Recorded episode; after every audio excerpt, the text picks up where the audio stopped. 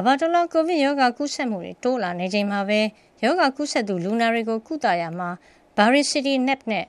Sotrovimab ဆေးအသစ်နှစ်မျိုးကိုအသုံးပြုနိုင်တယ်လို့ WHO ကမ္ဘာ့ကျန်းမာရေးအဖွဲ့ကြီးကထောက်ခံချက်ပေးလိုက်ပါတယ်။ကိုဗစ်ရောဂါအပြင်းထန်ခံနေရတဲ့လူနာတွေအတွက် Baricitinib ကိုဆေးကိုအသုံးပြုဖို့အလေးအနက်ထောက်ခံကြောင်း WHO ကပြောဆိုထားပြီး